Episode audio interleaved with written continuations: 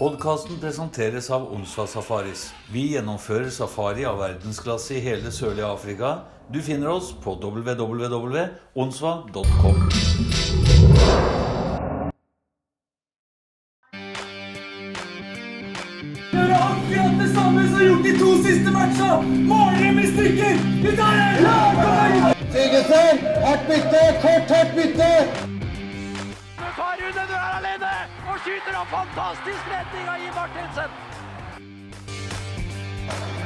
kokos. Pucken sklir mellom beina på Jonas Nordgren og i mål. Kenneth Larsen gjør det. Og så er det Vålerenga som leder 1-0.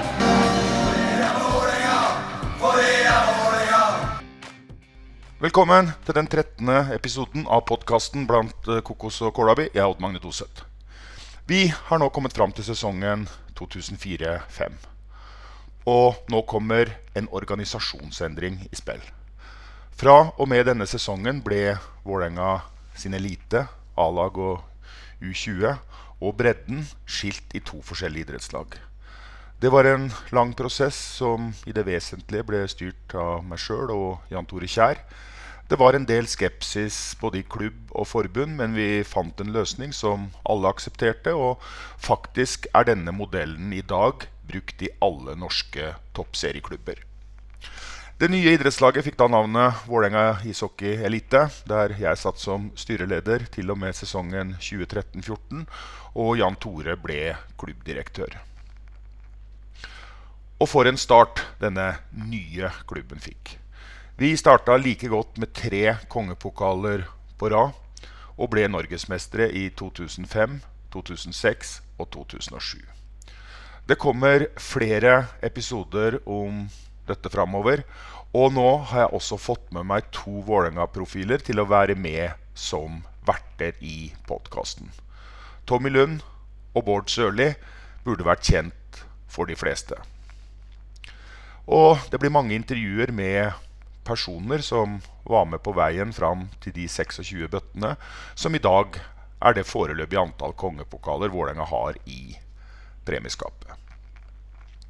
I dag skal jeg ha en lang prat med en av flere som kom opp fra egen junioravdeling til denne perioden. Han ble en viktig bidragsyter til både Vålerenga, landslaget, og er fortsatt aktiv spiller i finsk toppliga. Vi hadde en lang prat, vi har satt eh, episoderekord, og det er på tide å ta fram dagens gjest. God fornøyelse. Bonsaksen er kanskje den jeg er litt best å spille med. da. Når han kom opp som unggutt der. Han var jo stein gæren. Han var litt sånn eh, løs kanon, men da, kunne jeg liksom, da visste jeg det. Når han starta på noe, så gjennomførte han det. The puck comes free. In comes Von Saxon. Fire score! Alexander Von Saxon, the overtime winner. Wins it.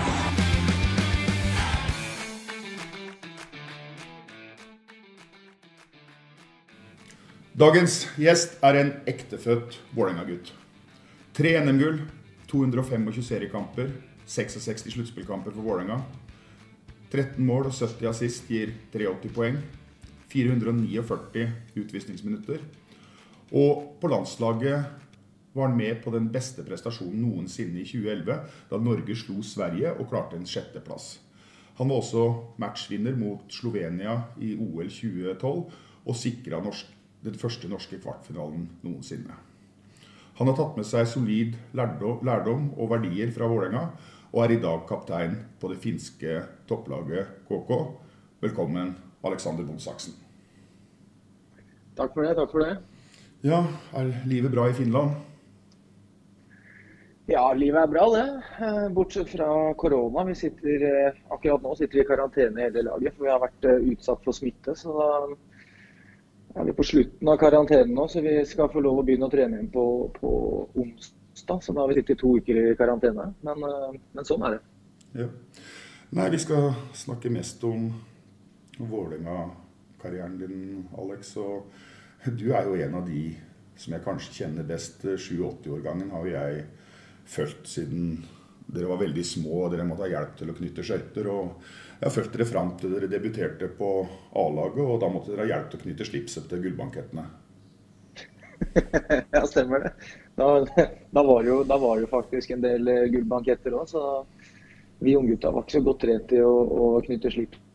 Ja, det stemmer, det. Ja. Men eh, dere på 7-8-laget, dere ble jo tidlig vant med å vinne, for det var en fantastisk lagenhet. Mm.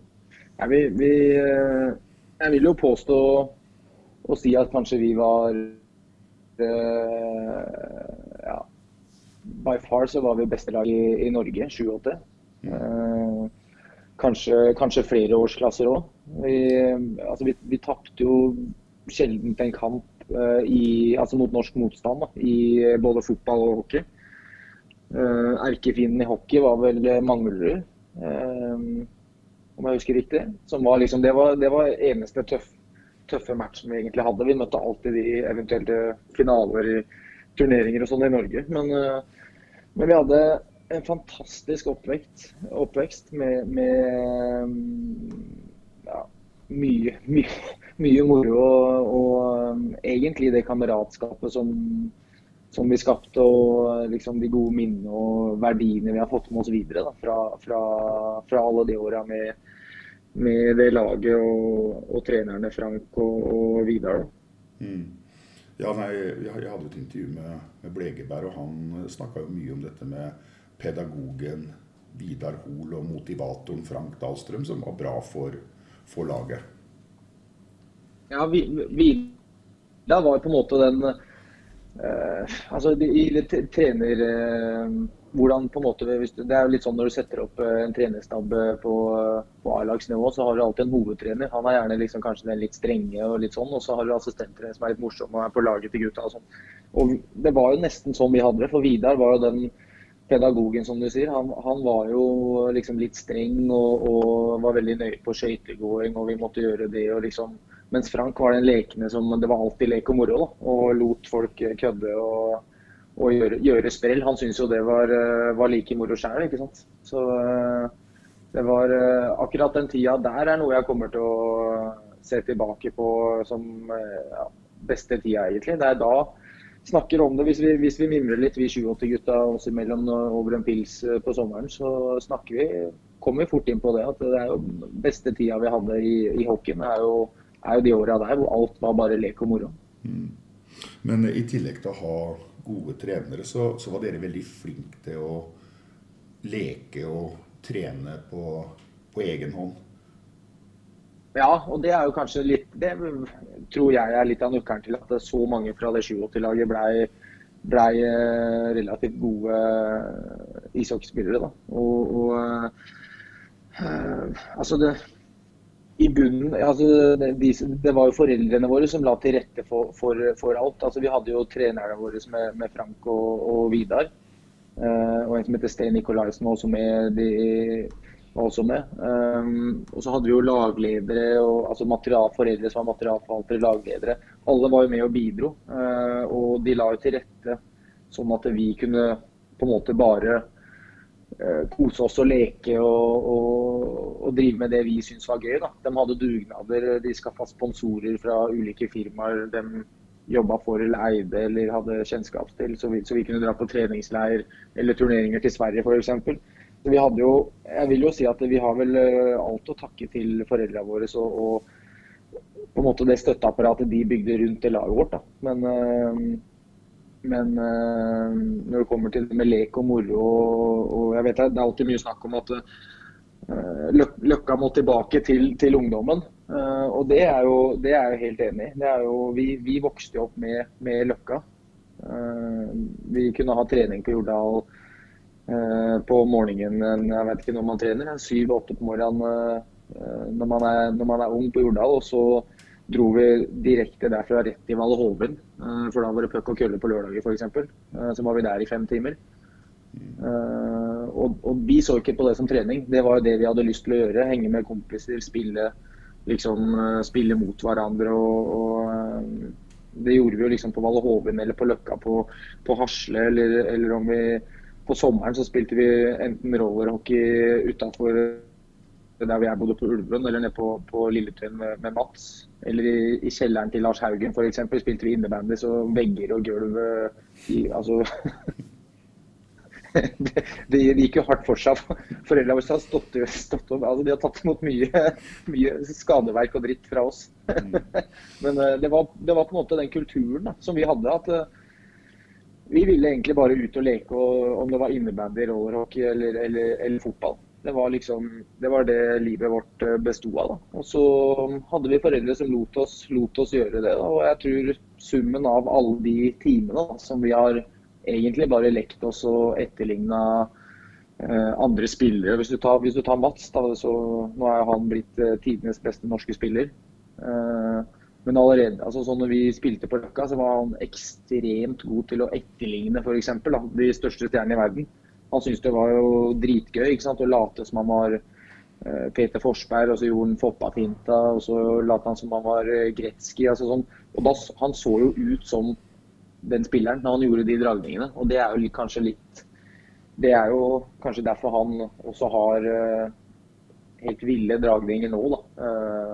Fordi han har, han, han har, liksom vokst opp med den le leken og, og moroa. da. Så det, det, var, ja, det, var, var, rett og slett en dritkul kul eh, oppvekst som, eh, ja, som, var med å forme oss og gjøre oss til på en måte de idrettsutøverne vi er nå.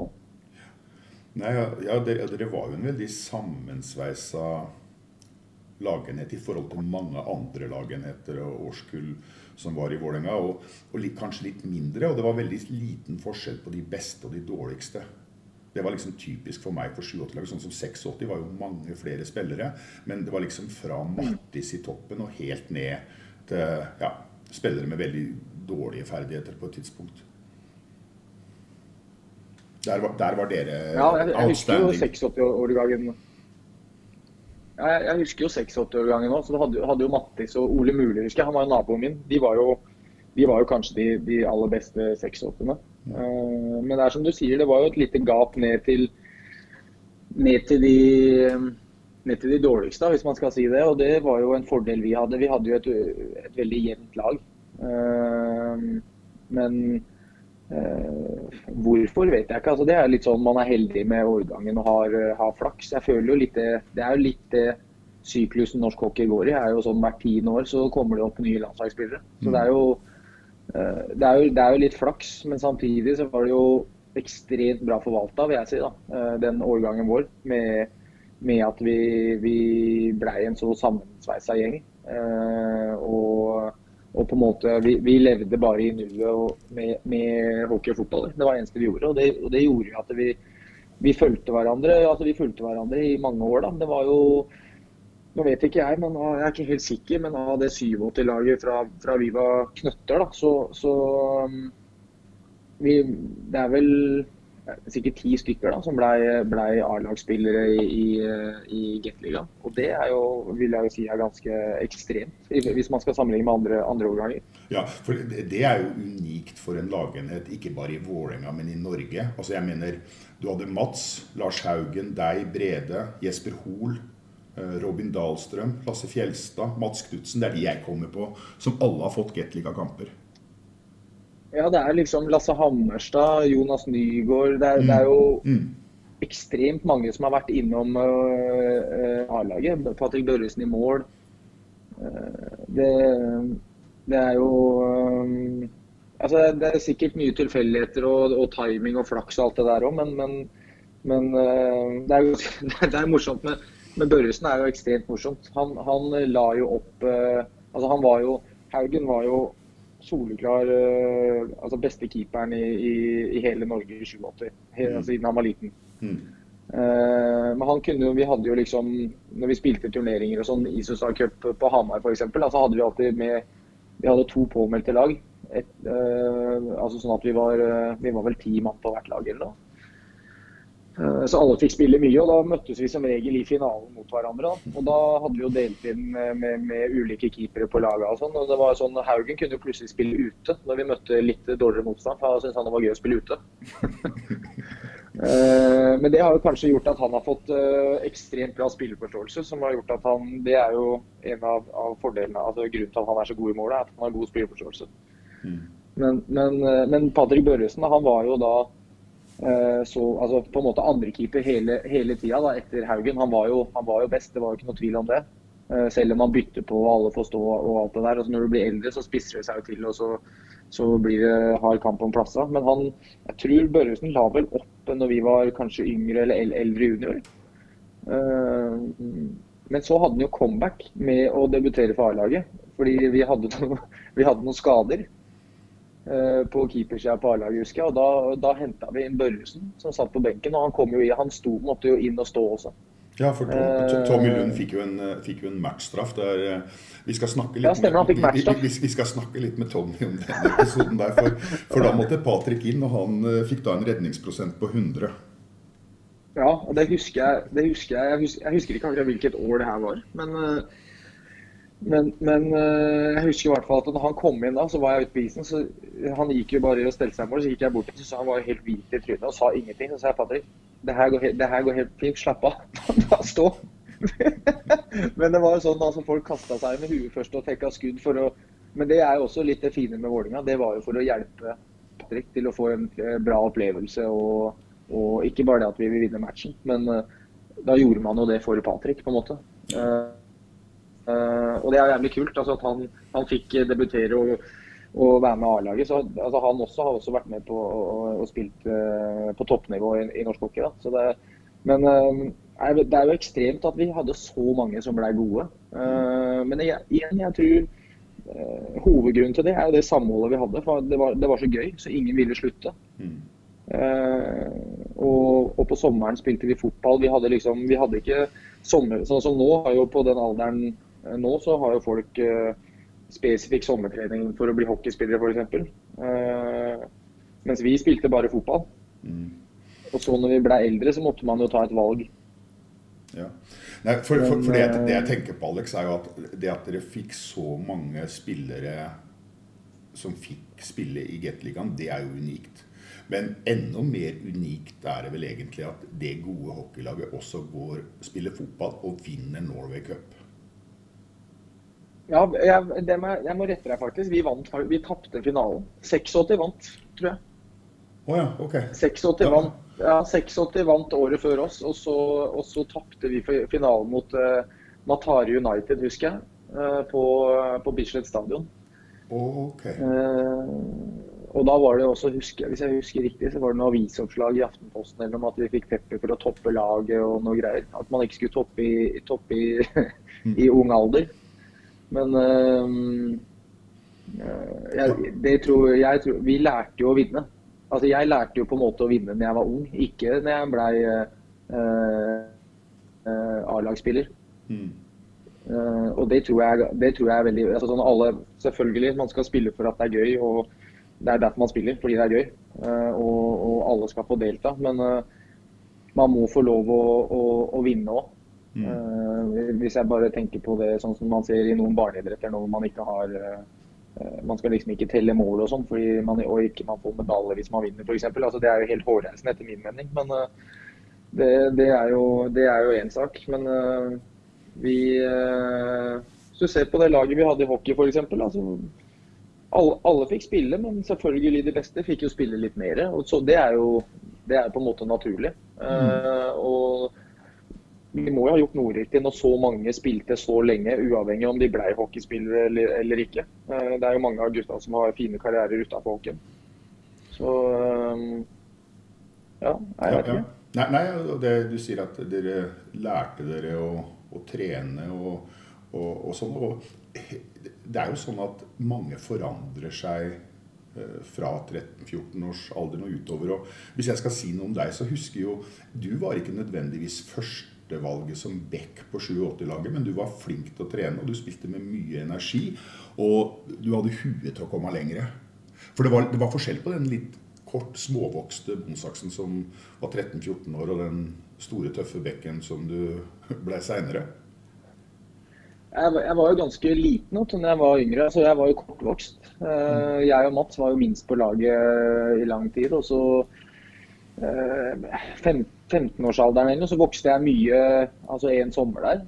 Mm. eh, hvor jeg strakk meg ut litt og, og på en måte tok igjen de andre i, i høyden. Eh, Mats, Mats gjorde jo ikke det, da, men eh, han har jo tatt igjen med, med, med, andre, med andre ferdigheter. Mm. Men, eh, men jeg tror jo det, altså det Jeg ser jo på det som når jeg ser tilbake på at jeg, jeg var liten eh, som ung.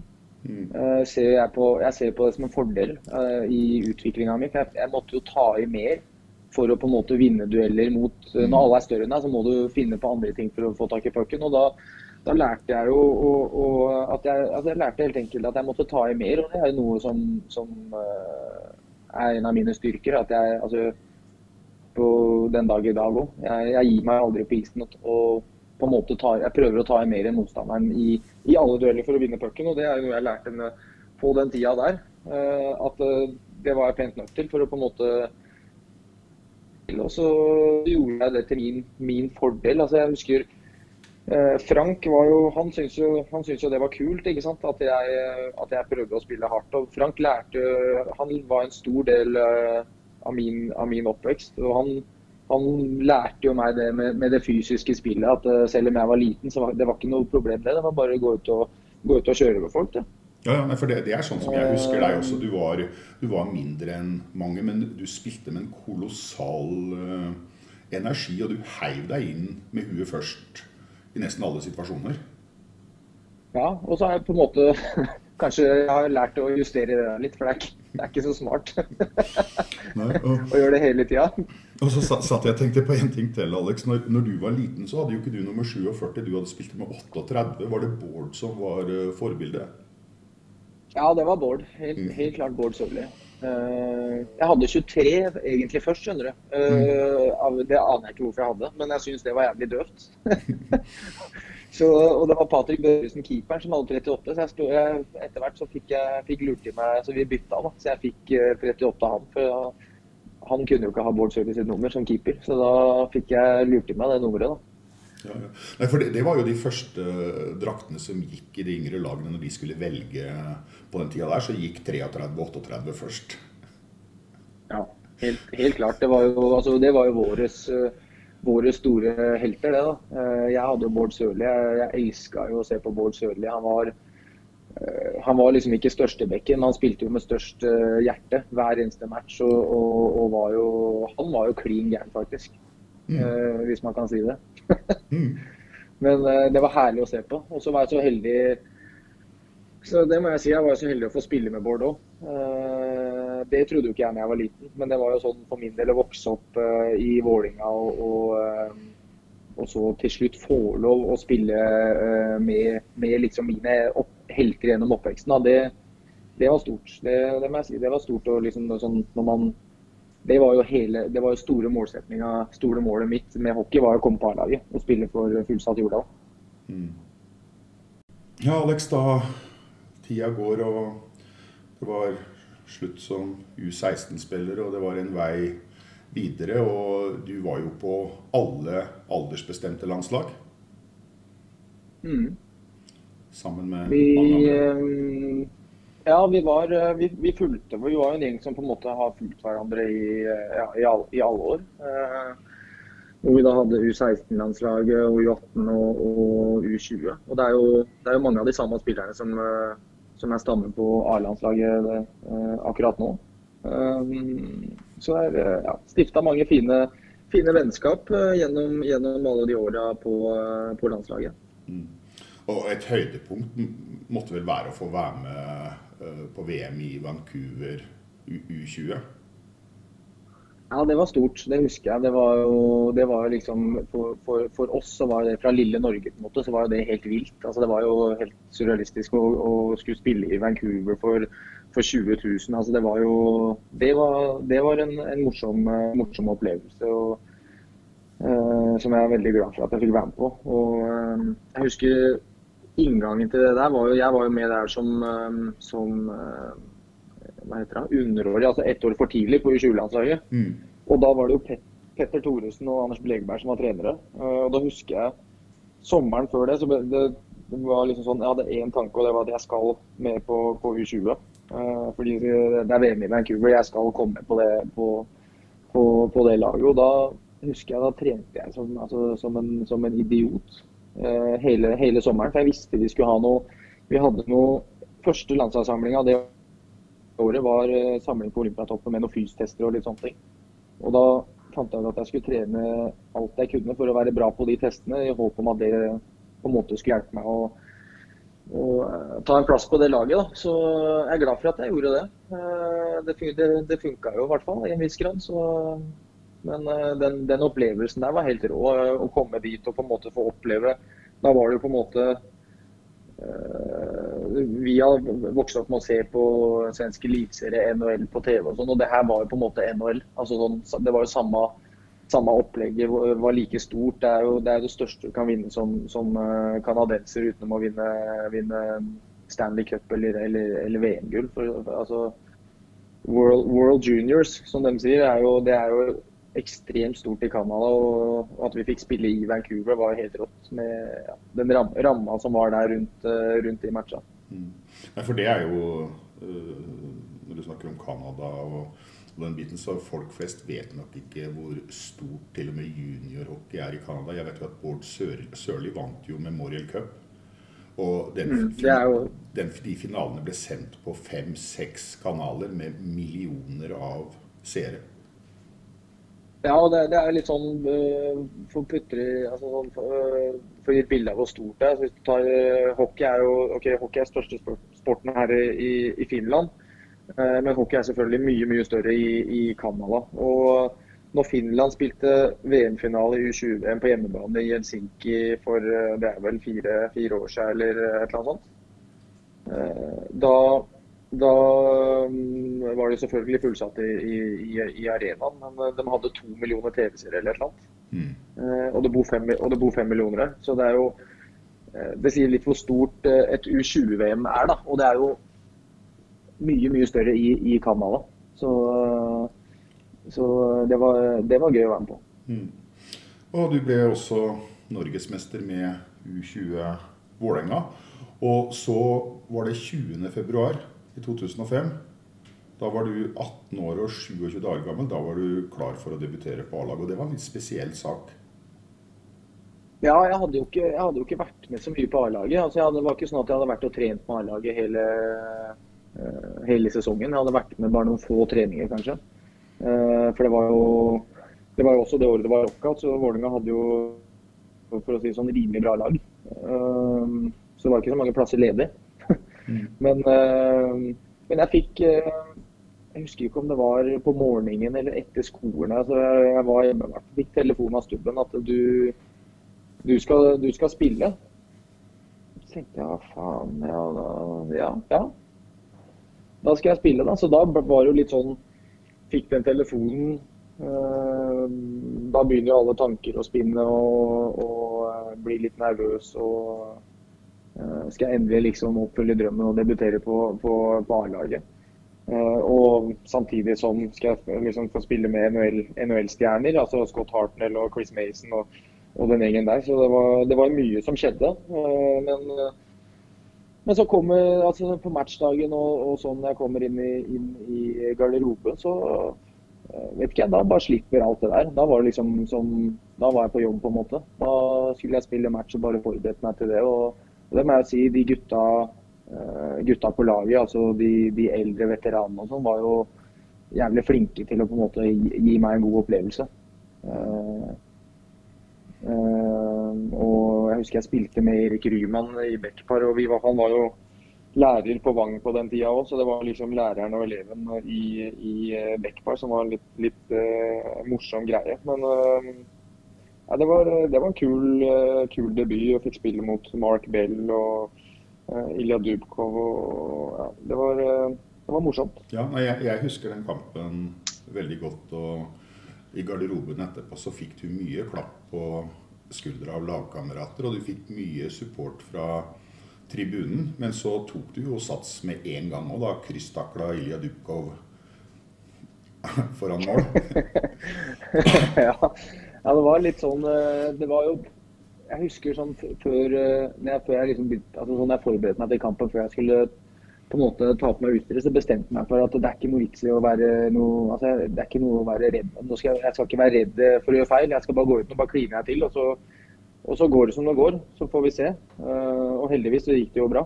For det er litt sånn hvis du får en, får en bra start, hvis første bytte, første passet sitter, så da, da slipper man skuldra med en gang. og ting når man kjenner at ting sitter og dette er ikke, dette er ikke så farlig. Og Det var litt sånn, var litt sånn starten på den matchen var. og så og så var det, da var det jo bare at Jeg nøyte jo på en måte hele matchen bare med, med masse folk på tribunen. og, og Det var jo altså, det var en dritkul opplevelse. Og så, og så er det jo litt sånn jeg er som spiller. altså jeg, jeg, det, skjer, det, skjer, jo bare. altså Det var jo ikke noe sånn planlagt. Men han Ilja Dubkov sto foran Det var jo Tommy som sto, og så sto han foran mål, eller om han slo på, slo på en retur eller hva det var. og så da måtte jo jeg fjerne han, han kan ikke stå foran keeperen. Og eneste måten jeg klarte å fjerne han på, var jo Altså jeg, klarte, hadde jo ikke klart å dytte den bort uh, på en måte helt vanlig, for det var det altfor svær og tung til. Så jeg krysstakla alt jeg hadde i brystet, og da, da, da fløy han av gårde. Så det blei jo Det er litt morsomt. da, Det blei jo uh, Jeg tror det var hele forsida på Aftenposten som var liksom at han ligger i lufta, jeg står med strake armer. Så det var Ja, for, for du, sier, du, sier, du sier dette, dette, var jo instinkt, og det tror jeg på. For hvis det skulle være planlagt en krysstakling, så er det sikkert enklere spillere på Trondheim å, å bulke med en Dubkov. Ja, da tror jeg jeg hadde tatt en annen, skal jeg være helt ærlig. Men, eh, men det var jo morsomt da når jeg, jeg, på en måte krysstakla han vekk. og så Selvfølgelig så spratt jo han opp og var, var forbanna, men da sto jo Ryman der med én en eneste gang. Mm. Eh, og gikk imellom. Eh, og det var jo fint. altså Det er jo sånn, eh, det er jo herlig å se. Men det er litt den, er litt den kulturen som er i Vålerenga òg, og, og, som man skal ha i et, ha i et lag. Mm. En annen ting Alex, som jeg tenker på nå, det er at eh, det der med Du spilte i backpar med Ryman. Og Ryman, Ryman var jo kaptein eh, det året. Og, men det, det, er en litt sånn Vålerenga-greie. Vi har prata litt om det opp gjennom historien. Sånn som når Pål Kristiansen debuterte som 18-åring, så fikk han spille med Bjørn Kolsrud.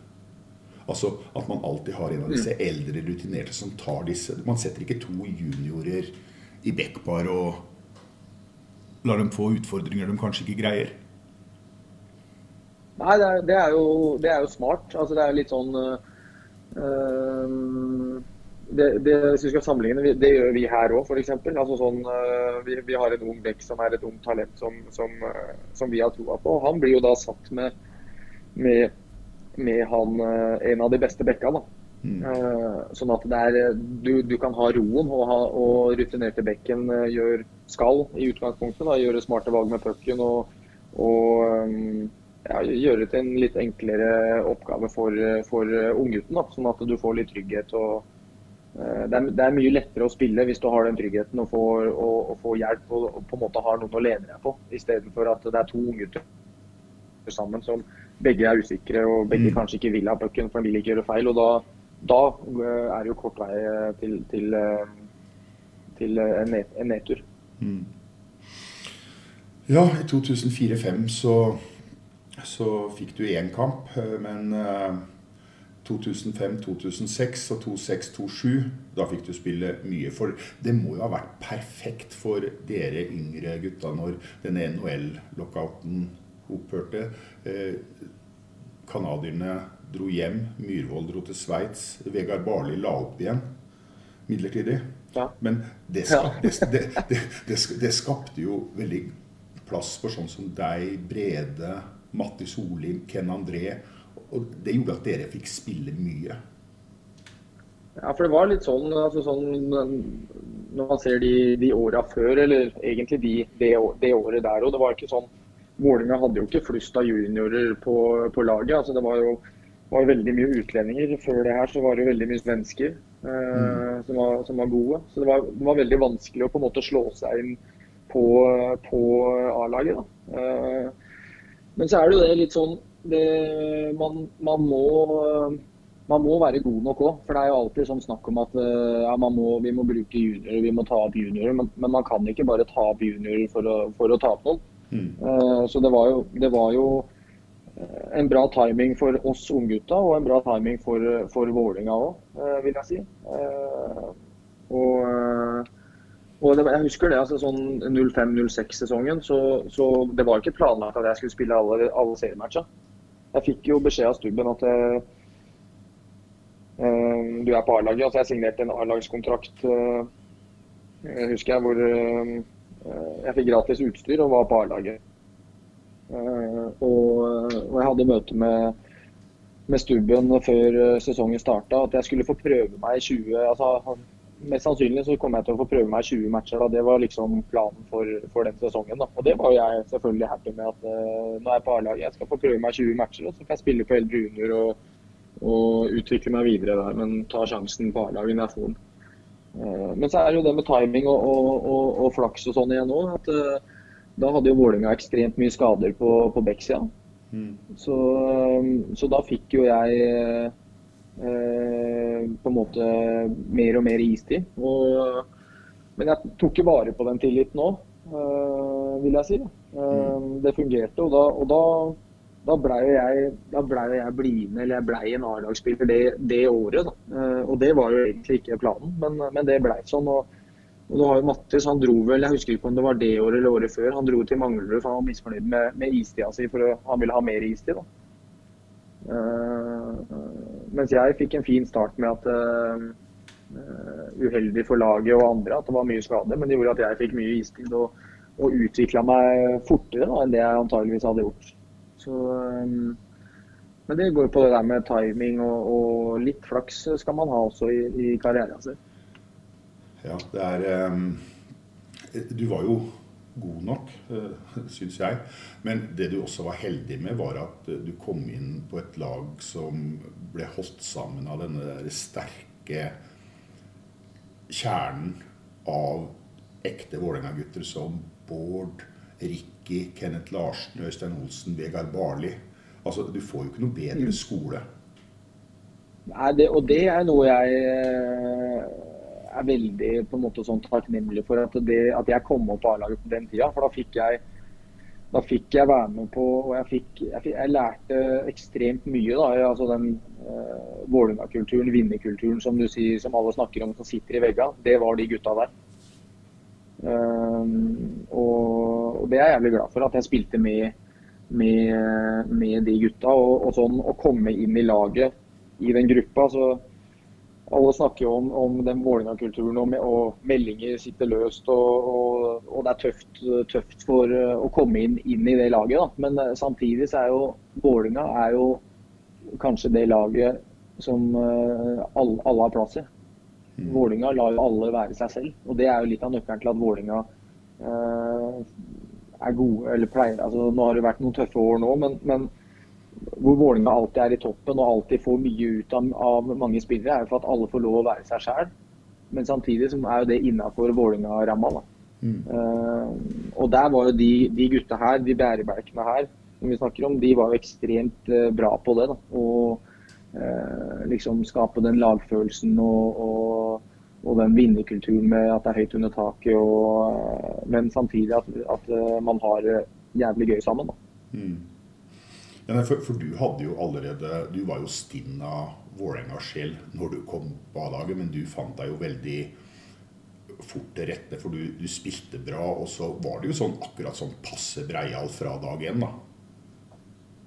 Ja Jeg var kanskje litt breial, men, men, det er litt sånn man det, det, er jo en bra egenskap, føler jeg. da, At man, mm. man skal være litt breial, man skal ta for seg. altså selvfølgelig på rett, på rett måte. Mm. Uh, fordi det er veldig lett å bikke over til at man er breial på en, en, dårlig måte. Ja, det, men, uh, men, med glimt i øyet og det, det, er jo litt den Vålinga-breial-skolen, da. Ja, ja nei, det, er det, det, er det, jeg mener, og du ble jo akseptert fra dag én. Den, den, norske kjernen, det var jo én ting, men disse årene du spilte i Vålerenga, Alex, så syns jeg også at vi var veldig, veldig heldige med utlendinger. Når du kjøper en utlending, så veit du aldri hva du får. Men det var jo spillere som virkelig var til støtte for dere yngre spillere. Jeg tenker på Christian Chartier f.eks. Jeg tenker på Reagan Kelly, Scott Crawford, Greg Day. Det var jo veldig fine folk. Ja, eh, dritbra folk. Og, og, det er litt sånn eh, når man bygger et lag, og så skal du hente inn uten, si at du har et lag, og så skal du hente inn fire-fem utlendinger. og da er man jo ekstremt avhengig av at man treffer. Eh, Mm. Både spillemessig at de er gode, for de, jo, de kommer jo for å heve laget. Eh, Men eh, det er enda viktigere med personligheten. At det, at det passer inn. At Har man uflaks, så henter man en utlending som kun er ute etter å bare cashe ut og hente litt ekstra kroner før han skal reise tilbake til USA eller Canada, eller hvor han, hvor han kommer fra. Men, men der var Vålinga heldig de åra der, hvor vi traff på ekstremt bra, bra folk. Eh, som som eh, kom for å liksom eh, være en del av kulturen. Men igjen så er jo det stammen i laget, da. Som, de er jo med og former uh, nye spillere som kommer inn i laget. Og det var jo styrken til Vålinga på den tida der. At det var ti, ti norske som var stammen. Det var jo liksom alle de, de Altså Ricky, Øystein, Larsen, Lund. Tommy Martinsen altså det, det var alle de gutta der. De, de var med å forme utlendingene også. Det er ikke bare det at man treffer på, på, eh, på utlendingene. Men eh, for har man ikke en sterk stamme, så klarer du ikke å forme de noen utlendinger. altså no, Alle er forskjellige, og noen, noen eh, vil jo kanskje egentlig ikke passe inn i kulturen vi har i laget. Men hvis du har en sterk stamme, så har de ikke noe valg. Og det er jo litt sånn det var på den tida når Vålerenga hadde en såpass sterk stamme. De forma jo utlendingene til å bli en enda bedre utgave av seg selv, eller til å, til å passe enda bedre inn i Vålerenga. Eh, men vi var, vi var heldige med de utlendingene vi, vi henta. Chartier var jo altså sånn uh, Skøytegåinga hans var jo var vel kanskje ingen som hadde sett en bekk med skøytegåinga i Norge på den tida der. Så han, han var jo ekstremt bra for oss yngre å se på og lære av og liksom sånn på en måte ta, ta etter. da. Eh, og så hadde du, hadde du Greg Day som fantastisk spiller, men eh, enda bedre person. Var jo bare rent gjennom en, en, en bra fyr. Eh, Men, men jeg, tenker, jeg, jeg tenker på eh, Christian Chartier, Alex. Altså, til og med, altså, han var jo med deg, Brede og flere. Dere hadde, han, han var jo med på frivillige morgentreninger.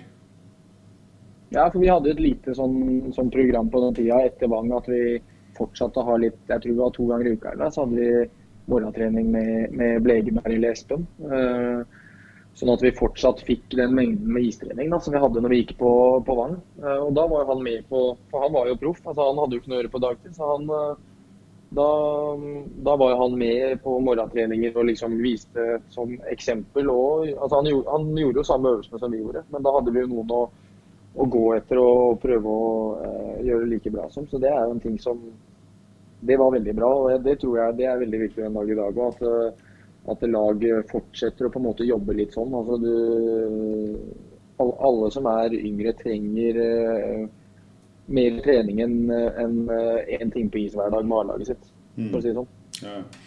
Nei, og når det, gjelder, når det gjelder Christian Chartier, så er jo Jeg syns jo det var en fantastisk spiller, men det er jo også beste historien uh, før 6-7-sesongen.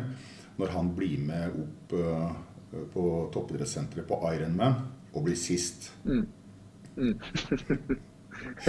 han, var ikke noe, han var ikke noe fysmonster sånn eh, i gymmen, men han, det som morsomt, han var en sånn farmer. ikke sant? Han, han eh, var jo vant til å være på gård. eller altså, løft, Han var jo vant til å løfte tungt, men ikke, ikke vekter. Eh, så han, uh, han var ikke akkurat kjent med øvelsene vi gjorde, da, men jeg husker at han, han eh, sånn løpe 3000 og kassehopp og alt det der, altså, det var han jo bedriten på. Men det var jo han, jeg husker han skulle løfte knebøy, og da hadde han det så Jeg veit ikke om han hadde løfta knebøy før, men det så ikke sånn ut i hvert fall. For han, han løfta da altså Han tok ikke på seg belte, f.eks., som det gjør de fleste som skal løfte maks i, i knebøy. Eh, og de fleste står jo med skulderbredde på, på, på føtta, men han sto med, med føtta liksom smalt og litt skeivt og krokete. Og så gikk han bare, så bare så Jeg husker ikke hvor mange kilo, men han, han brakk opp 160 kilo eller noe sånt. Eh, alle tenkte bare hva er det han driver med? Men han, han, han var jo jævlig sterk. Men det så jo ikke bra ut. Så jeg tror, jeg tror det var Etter at han løfta en gang, så tror jeg det var noen, noen trenere eller ledere som sa det, det holder det, Kristian. Det, det er bra, det. Ja, nei, men Sist i Ironman, men han var på langt nær den dårligste bekken i Norge den, den sesongen. Nei, han, han var vel kanskje best. Ja, eh, det ble NM-gull på deg i 2-6 og 2-7, og du fikk også et NM-gull i 2009. 2009 er faktisk det siste NM-gullet til Vålerenga. Og nå er det snart på tide å få inn et uh, NM-gull igjen. Ja, nå er det på tide. Det er jo eh, ja, ti, ti, år siden. da. Mm. Uh, og jeg vet ikke, Har Vålerenga gått ti år før uten, uten å ta NM-gull? De kan vel ha gjort det for mange, mange år siden? Jeg tror det var et opphold fra 74 til 82, men det har aldri vært så lenge, nei. Så, men, det, det, er på tide. Det er helt riktig. Ja. Nei, men Vi skal snakke litt mer om karrieren din. Du, vi var jo inne på at du, du fikk mer spilletid enn forventa første fulle sesongen din. Men i, i 2-6-2-7 fikk du jo enda mer, og du blei jo en av de markante spillere. Du blei veldig fort en erfaren Vålerenga-spiller. Ja, det, det, gikk jo fort fra debuten til altså sånn, å, å, være fast og være en av de eh, følte jeg i hvert fall. Og det var jo en ting som gjorde at, at, at jeg spilte bra og at jeg følte at jeg fikk tillit. Så jeg følte at jeg var en av de eh, trenere stolte på. Og det var jo sånn jeg husker, for Espen kom, Første året mitt så kom jo Espen inn eh, med delt ansvar med Stubben, og så tok han over eh, som hovedtrener. Mm. Um, jeg husker på den tida der, Espen var jo veldig opptatt av at vi unggutta skulle få lov. Vi skulle få lov å, å feile og, og, prøve. Og det var jo ekstremt bra for min, min utvikling. Mattis eh, Olim, Ken André Olim, uh, Mathias Trygg. Altså vi, vi, fikk lov å prøve og, og, feile. Og jeg følte jo Han var jo sånn som når han var dekktrener i, starten der, så uh, jeg følte at han stolte på meg. Altså han dytta meg ut på isen i, i, viktige situasjoner, i slutten av kamper, i, i fra dag én har jeg spilt eh, undertall og, og, i viktige situasjoner i kampen. Og det, og det, gjør jo noe med selvtilliten din. Du, da vokser man jo. Uh, så det, jeg føler jo sjæl at jeg, jeg blei jo en, på en måte en viktig del av laget nesten med en gang. Uh, og det, det tror jeg var, var veldig bra og, og, viktig for min, min utvikling. Mm. Ja. Nei, det jeg sitter, uh, Alex, med en uh, matchprotokoll foran meg. Det er fra 30. Mm. oktober i 2006. Det er Vålerenga-Stjernen. Vi vant 3-0. Og mm. der, der, er det godt over 200 utvisningsminutter totalt. Og der er det en episode som jeg husker veldig godt, for du, du spilte jo mye i backpar med, med Lars-Erik Lund. Og ofte er det jo de rutinerte som skal ta vare på de yngre, men nå er det Først er det for øvrig i matchprotokollen matchstraffer og røffing på Vegard og Ricky og litt sånn. Noen minutter etterpå så blir Lars-Erik takla i ryggen, og du tar fighten med Trond Magnussen, som er 13 år eldre enn deg. ja, det var jo Men det var jo altså, en situasjon hvor, hvor eh, altså, Trond Magnussen var jo, han var jo først og fremst eh, en jævlig god spiller. Han hadde jo da kommet hjem etter å ha spilt eh, jeg vet ikke, tolv år i Tyskland eller hva det. Eh, men, men eh, vi, det var en situasjon hvor de dumper pucken, og så forsjekker han. Og så, ja, en meter fra vantet, så, så, skal Lund kanskje prøve å vende bort Trond Magnussen. Men da han kjører over han i ryggen, da takler han i ryggen, så han flyr rett i vantet. Og det, det så jo ikke så pent ut. Og da var jo første tanken min at jeg skulle stå opp for, for, for Lars. da. Mm. Eh, så jeg hoppa bare på Trond Magnussen, egentlig. Bare sånn eh, Bare av instinkt. Eh, mm. Og prøvde å slåss, eller prøvde, prøvde, prøvde å jule opp Trond Magnussen. da. Jeg, jeg, vil ikke si at jeg klarte det, men jeg ga jo ga et bra forsøk i hvert fall. Men, uh, og det er, det er, litt mer det å sende en beskjed òg, at han, mm. han takla bestebekken vår i ryggen. Og det er ikke greit. Og det er jo sånn, uh, mener jo jeg, da, uavhengig om du er ung eller gammel, så er du førstemann på plass da, så må man, da får man gjøre den, den drittjobben og sende et signal. For det er jo uh, en del av hockey. Mm. Det er som Øystein Olsen sa i intervjuet, det spiller ingen rolle om du er 16 eller 40. Nei, og det er, jo, det er jo riktig. Men, men, men det, det, er jo altså, sånn, Selv om Trond var gammel og veteran, så kan han ikke kjøre over folk. Nei, men, men, det er også litt av det jeg vil fram til. Men det er ikke liksom slagsmål i seg sjøl. Men når du ser i den protokollen, og dette var en uting på den tida der Jeg har prata litt med Håkan Sødegren om det, og på den tida så ga jeg en del videoer til Håkan, for han tok det opp med dommerne. Og det er at mm. Trond som takler i ryggen og egentlig setter eh, en Lars i en veldig farlig situasjon. Han får en liten matchstraff, men du får en stor matchstraff for det gruffet som oppstår etterpå. Og det er ikke riktig. Nei, det, det, er jeg helt enig i. Det, er det, altså det som er farlig, er jo å takle folk uh, i, i, ryggen eller som ikke følger med en meter fra vantet. Det er jo rett og slett livsfarlig. Nå gikk det jo heldigvis altså nå gikk det jo bra med Lars, men han, ble, han ble jo faktisk skada. Spilte han spilte ikke neste uke, for han fikk en skade i hånda eller altså sånn han, han tok, tok, seg for. Men, uh, og det er jo det har jo kanskje reglene blitt litt endra. Nå, nå, får man jo Det der hadde jo vært uh, rett ut den dagen, altså nå, mm, for å si sånn. Men det var jo det var jo morsomt. Jeg husker jo altså, sånn eh, etter å ha slåss der, går opp i garderoben, og du er jo liksom i fyr og flamme og jævlig mye adrenalin, og det er jo mye som skjer. Og så um, dusja jeg sånn og kjappe meg ned for å se, se, resten av matchen på tribunen. Og vi, vi hadde jo vunnet matchen. Vi leda jo sikkert 4-1, eller altså vi, vi herja jo med Stjernen. Mm. Så det var jo ikke noe fare for at vi tapte, selv om jeg fikk eh, eh matchstraff og Vålinga for fem minutter undertall, eller hva det ble. Mm. Men, men, eh, så kom jeg ut ved ismaskinen der, og så står jeg ved, på enden av vippen der nedenfor nederste losjen. Og så, så, kommer Kjær, og så kommer Kjær og liksom skjeller meg ut. At faen er du driver med? Ta matchstraff og At det liksom kunne ødelagt matchen. da. Og da kom jo Myggen. Kom, da Myggen sto der da, eller om han kom akkurat da. og og høvla over skjær og mente at det er det dummeste han har hørt. For det var helt riktig å ta den fighten og stå opp for, for Lars. Og, det, og det, er jo, det, er jo, jeg enig i, selvfølgelig. Men uh, det var deilig å se når Skjær skulle komme og kjøre over meg litt, som var, var unggutten. Og så kom, kom Myggen og høvla over den. Så det, det var deilig. Ja, og Myggen er argumentasjonssterk.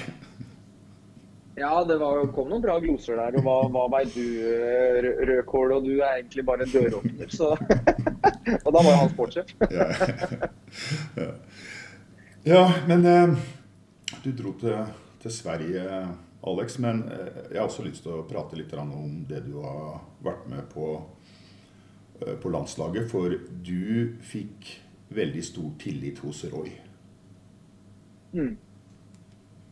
Ja, det var, det var litt, litt, på en måte, litt av samme reisen på landslaget som, på, eller som med Vålerenga, hvor jeg kom inn eh, relativt Eller jeg var vel 22 når jeg debuterte i VM for, A-landslaget. Eh, men jeg er relativt ung, da. Og litt, litt av samme altså Jeg kom jo inn på samme grunnlag som i Vålerenga. At jeg, var, at jeg jobba hardt og alltid satt laget foran og på en måte skulle være defensiv uh, back, da, og oppofrende back. Uh, så jeg jo, kom jo inn på samme premisser og, og, og fikk tidlig tillit av, av Roy. da. Mm.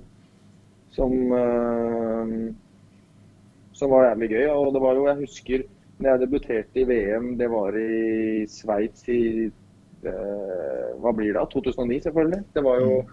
etter vi, etter vi vant der. og da var jeg med, spilte alle treningsmatchene sånn og sånn. Og så uh, spilte jeg ganske bra, husker jeg, i de, i, altså de siste treningsmatchene før VM. Så, men så var jeg jo innforstått med at jeg skulle starte som sjuendeback uh, i, i, VM. da. Så, Men dagen før, jeg husker ikke om det var dagen før eller om det var samme dag, så kom lineupen. Og da var plutselig jeg inn i lineupen, og, og Lund var satt ut. Eh, så jeg tok plassen til Lund, da, eh, som var litt sånn eh, en rar greie. Vi spilte jo sammen i Vålerenga. Han var jo desidert beste bekken vår i Vålerenga. Mm. Og jeg gjorde drittjobben for han i Vålerenga, og så plutselig skulle jeg ta plassen hans på A-landslaget. Men da var jo argumentet at det, det jo, gikk en del fortere da, når vi møtte de toppnasjonene der og mye mer i defensiv sone og passa kanskje bedre at jeg gjorde den jobben. Og så kom heller Lund inn mot mot de litt eh, mindre bra lagene hvor det var mer powerplay til oss. og Han gikk inn og det gjorde han jo. Han kom inn f.eks. mot Danmark og gikk inn og klaska han rett i krysset, han. Så det, det, det, var jo bra taktisk valg, men det var jo litt sånn Roy var, eh, å finne roller. Eh, han var jo flink til å finne roller til folk på, på landslaget. Mm. Ja, også på den erfaringa du fikk på landslaget Det var jo et bra landslag. Jeg tenker å spille sammen med Tollefsen. Du hadde deg, Holøs altså, Det var jo bra bekker. Ja, det vil jeg si. Det var veldig bra bekker. Altså, hadde, da var jo Tom, Tommy Jacobsen uh, var jo også med på den tida. Det var jo altså, mm. det var relativt bra, bra lag. Altså, jeg husker lands, landslaget vårt uh, på den tida. Altså, hva blir det? Fra 09 til uh, kanskje 13-14, eller? Mm. Det er vel kanskje beste landslaget noen gang, eh, vil jeg påstå. Ja, det, det tror jeg. Og, og VM i Slovakia i 2011 så fikk jo du også være med å slå Sverige, riktignok på straffer. Men da tok, Mm. Norge en, Ja, det var jo- da tok Norge en historisk sjetteplass. Ja, og det var jo sånn eh, vi hadde, da hadde jeg, Nå kan ikke jeg den, altså jeg vet ikke statistikkmessig, altså sånn, men vi hadde jo nesten alle spilte jo i utlandet på den tida, på, på landslaget. Mm. Uh, og det er jo, vi hadde jo veldig bra landslag med uh, Marius Holte, Per Åge Skrøder, Mats Hansen. uh, og, og Tollefsen selvfølgelig, og Holøs på, på topp-nivå. Altså, det, var jo, det var jo et jævlig bra landslag, vil jeg si. Mm. Og ja, det var kult. Det var, det var jævlig kult å slå Sverige. I hvert fall når jeg selv spilte i Da var jo jeg i Sverige. Så det var jo Det var jo jævlig deilig å slå, slå Sverige, for å si det sånn. Ja, Ble det kommentert når du kom tilbake igjen? Ja, selvfølgelig. Du passa, du passa på Det det? er, ja, det er, det er ikke noe å lure på. Da, men året etterpå så var det kamp mot Slovenia. Og da sto du i sentrum helt på slutten. Både med utvisning og avgjorde kampen på Sudden og sendte Norge til kvartfinale i første Ja, kvartfinale i i- OL. I OL, ja. Ja, ja, ja det, men det er jo 2018. blir det. Ja, ja, ja, ja, sorry. Eh, Men eh, jo, det var eh, Det var, eh, må jeg jo si var en morsom og litt annerledes opplevelse for min del. Det er ikke sånn, eh, Jeg er ikke vant med å skåre så mye mål. Eh, Det vet vel alle som har fulgt med litt på hockeyen på landslag og, og klubblag. Men, men det var dritkult. Det, vi, vi spilte jo ikke så bra det, det OL-et, vil jeg si. Vi, vi følte jo sjøl at det lugga hele turneringa. og ja, at vi ikke fikk ting til å fungere som vi ville. da. Og i den matchen mot Slovenia, og som var vinner vi, så går vi til en historisk kvartfinale, så må jeg si jeg, eh, jeg syns Slovenia spilte, var kanskje bedre enn oss, hvis man ser 60 minutter. Mm. men, men eh, vi fant en vei, og det var jo litt det med Jeg tok jo en hodeløs utrustning helt til slutten av tredje, som gjorde at vi starta overtime i, i undertall. Som eh, det er jo eh, på en måte å gi bort seieren. Eh, og de, og de skjøt jo i, i tverrleggeren eller hva det var i, i det powerplay òg. Så det kunne fort eh, gått annerledes, men heldigvis gjorde det jo ikke det. Det var jo, var jo morsomt, og, morsomt for meg, det. Det var, altså, det var jo gøy å få, få avgjøre, men det var en syk opplevelse å, å, å gå til en historisk kartfinale. kvartfinale. For selv om vi kanskje ikke spilte så bra den turneringa, så skal vi ikke glemme at vi ble historisk og, og tok Norge til sin første eh, og kanskje siste kvartfinale i, i et OL. Mm. Ja, nei, Du sier at uh, du ikke var kjent som noen målskårer. Jeg faktisk jeg har en historie på det. fordi at jeg så ikke den kampen.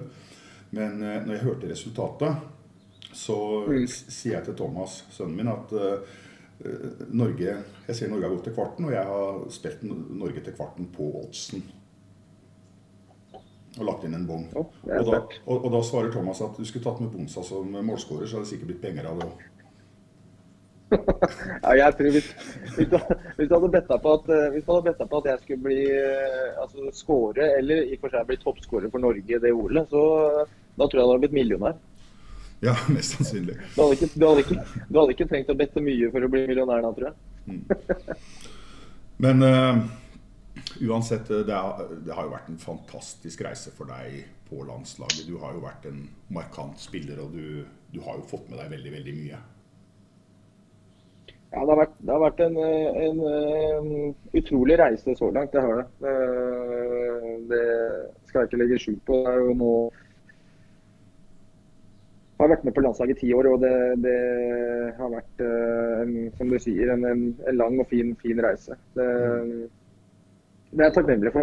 Altså, det jeg har fått vært med på der, og, og ikke minst Roy og Stubben som på en måte ga meg sjansen i ung alder og, og, og lot meg spille. Jeg husker en av de første åra så var jeg clean for fly forbanna på Roy i et VM hvor vi For jeg var litt opptatt av uh, at vi ikke skulle ha utlendinger på landslaget. På, altså sånn, jeg jeg syns det var en uting at vi hadde finske bekker på landslaget. Kaunismäki var jo fin fyr. og han, han selvfølgelig, han, han, var jo bra for Norge, han i flere år. Men jeg likte jo ikke at det var utlendinger som tok plassen til oss norske på landslaget. Mm.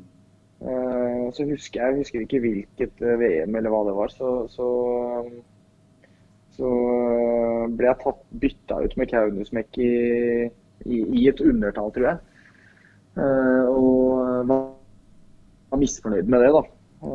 Vi tapte sikkert matchen, sikkert derfor jeg var forbanna. Så etter matchen så, så kjefta jeg på Roy og sa at det er siste gang du bytter ut meg for en utlending. Mm. Og det er kanskje ikke så smart å, å, å si sånn til en trener. Man, du skal liksom ikke for, uh, fortelle en trener hva han skal gjøre. Det er ikke så jævlig smart.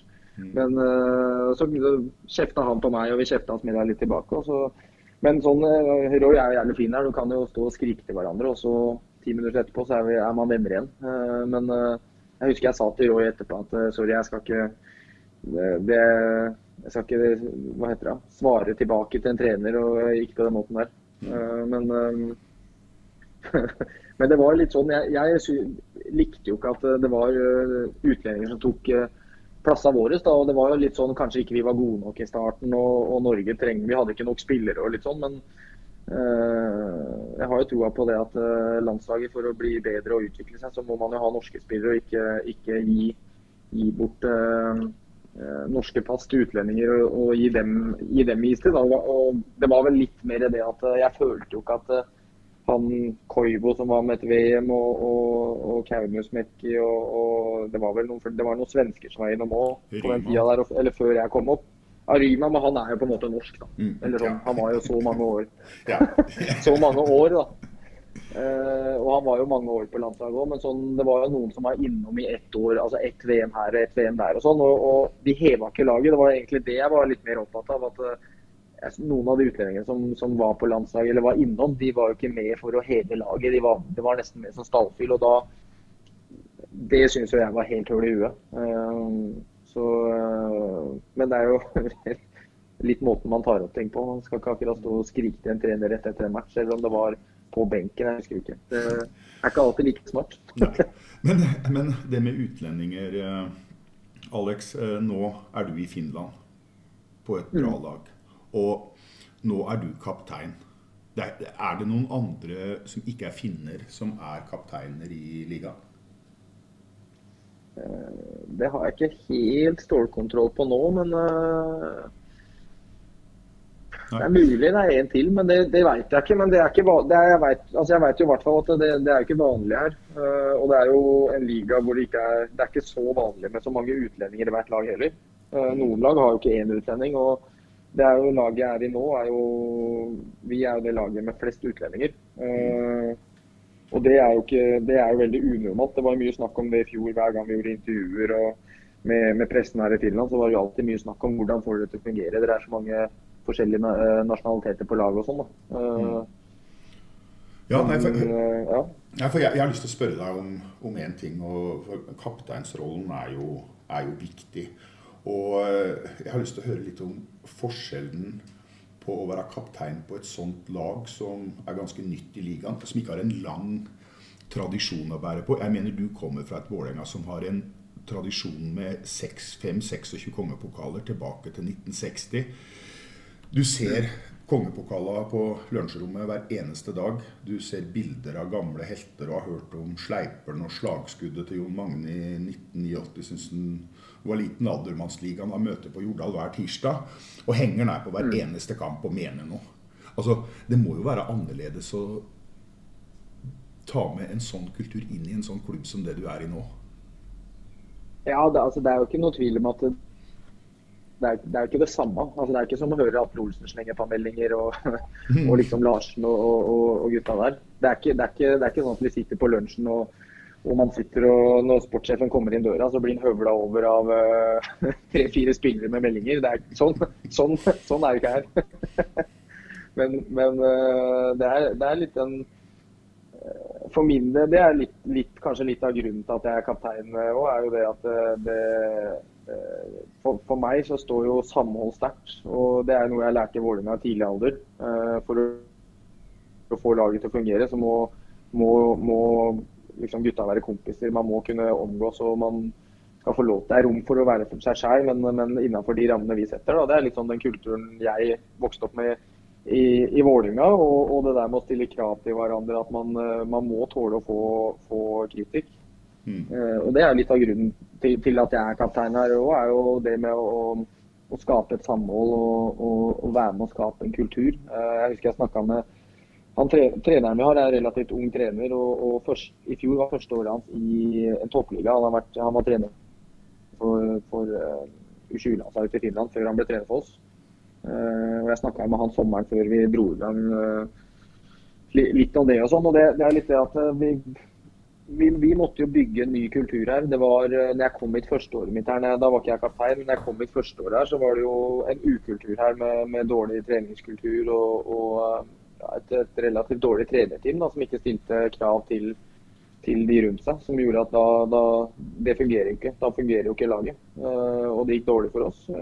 Så bytta vi trener. og og Vi har jo snakka en del om det at vi, vi, må bygge en kultur på hvordan er det KK som organisasjon vil fremstå. Hva er KK? Uh, så Vi har jobba mye med å bygge vår egen kultur. Da. Og vi har jo ikke den kulturen som, som vi, vi, har i Vålinga, at man kan se tilbake på å ha vunnet, være mestervinnende og liksom man har, den, man har den i ryggen. Vi, vi, må bygge en egen kultur, og det har vi jobba knallhardt med. Uh, med. Både på den treningsbiten, men, men ikke minst det med hvordan vi, vi er i et lag, da, hvordan vi skal fungere. Vi skal, komme, vi skal liksom komme på jobb og ha det gøy sammen, men samtidig så skal, skal vi være eh, Det er tid og rom for alt. Når vi har det gøy, så har vi det jævlig gøy sammen. Og når vi skal jobbe hardt, så skal vi jobbe knallhardt. Så Det er litt den, er litt den kulturen som jeg har vokst opp med i Vålerenga. Det var jo sånn da jeg kom opp på A-laget og var, var 18 år, så var jeg med gutta på byen eh, på lagfester, selv om jeg var ikke gammel nok til å komme inn på f.eks. Altså Stravinskij, som det het. Men da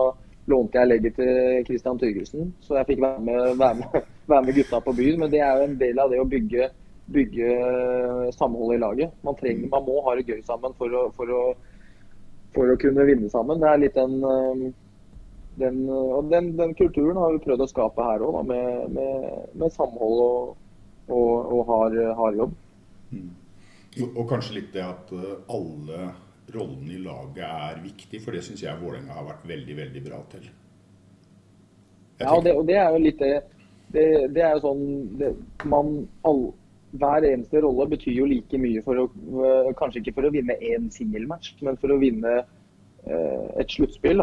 Så det er jo vi har snakka mye om i Vålinga at det, hvis vi ser tilbake på når vi, når vi vant eh, de, de, de åra jeg var der, så det var mange som hadde bedre færre enn f.eks.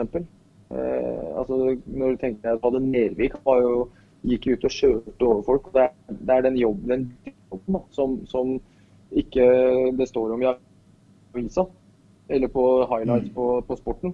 Mm. Er jo, den er jo minst like viktig i et lag. og det, det er jo noe jeg lærte tidlig i Vålerenga, som har vært med på en måte å gjøre meg til den spilleren jeg er. Uh, og like å gjøre den, den drittjobben. fordi det, hvis du gjør den jobben, så gjør det at eh, f.eks. Eh, Mattis Olim og de finishmakerne kan gå ut og, og dra en mann.